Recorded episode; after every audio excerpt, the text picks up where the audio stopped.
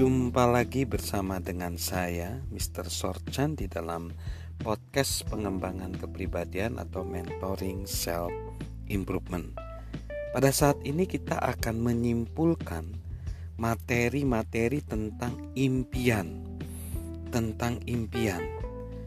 Mengapa impian itu dapat menolong kita dan menolong di dalam kita menjalankan kehidupan kita? Karena sebenarnya impian kita itu dapat membantu kita tetap fokus. Setiap kali kita tergoda untuk menyimpang dari tujuan kita, impian kita terus membawa kita ke arah yang benar.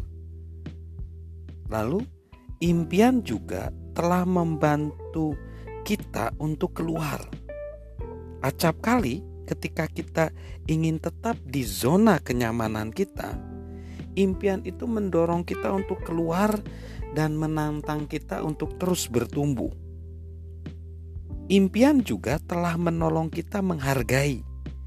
Ketika harga untuk kesuksesan menjadi tinggi, impian kita mendorong kita untuk membayarnya, mengingatkan kita bahwa tidak ada jalan pintas menuju kesuksesan. Lalu, impian kita telah membantu kita bertekun ketika kita berpikir tentang impian kita, berhenti bukanlah pilihan. Tidak ada seorang pun pernah tiba di tempat tujuan impiannya dengan berhenti. Impian tidak datang kepada kita, kita harus pergi menghampirinya. Impian kita membantu kita menarik pemenang. Besarnya impian kita menentukan besarnya orang yang tertarik padanya. Impian kecil menarik orang kecil. Impian besar menarik orang besar. Impian kita telah membantu kita bergantung pada Tuhan dan orang lain. Impian kita terlalu besar bagi kita. Kita membutuhkan Tuhan dan juga membutuhkan orang lain untuk menolong kita. Mereka melakukannya, dan semua orang bisa menang impian kita dapat membuat kita menjadi hidup kita menjadi lebih berarti. Seperti sudah kita katakan di dalam pelajaran-pelajaran sebelumnya bahwa di dalam merealisasikan impian kita harus menjawab 10 pertanyaan yang pertama, pertanyaan tentang pemilikan. Apakah impian kita benar-benar impian milik kita sendiri?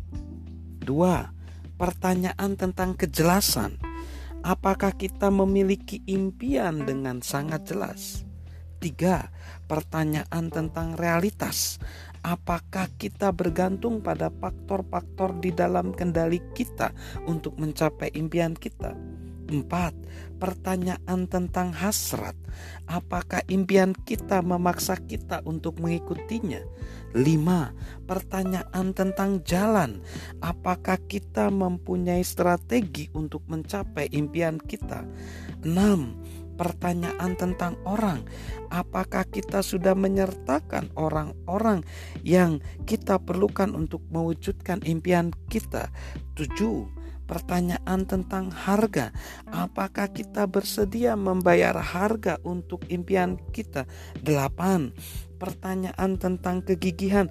Apakah kita melangkah lebih dekat kepada impian kita? Sembilan, pertanyaan tentang kepuasan. Apakah bekerja ke arah impian kita membawa kepuasan? 10. Pertanyaan tentang keberartian. Apakah impian kita bermanfaat bagi orang lain? Masing-masing kita memiliki impiannya. Masing-masing kita memiliki impiannya, tetapi itu semua bergantung kepada keterampilan, kepada bakat, kepada kerja keras, dan faktor-faktor lain di dalam kendali kita.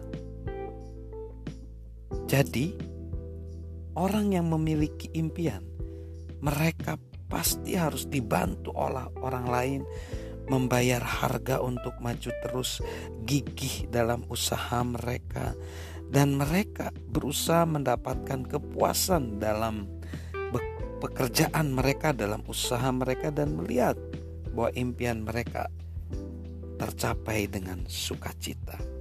Jadi kita harus bisa menjawab banyak iya terhadap pertanyaan-pertanyaan tersebut. Karena kalau kita menjawab iya, ada kemungkinan besar untuk kita mencapai impian kita. Dan kalau kita bisa mewujudkan impian kita, maka kehidupan ini, dunia di tempat di mana kita tinggal, akan nampak lebih baik. Kehidupan akan menjadi lebih baik. Dunia tempat kita tinggal ini akan terasa lebih baik. Salam sukses luar biasa dari saya, Mr. Sorchan. thank you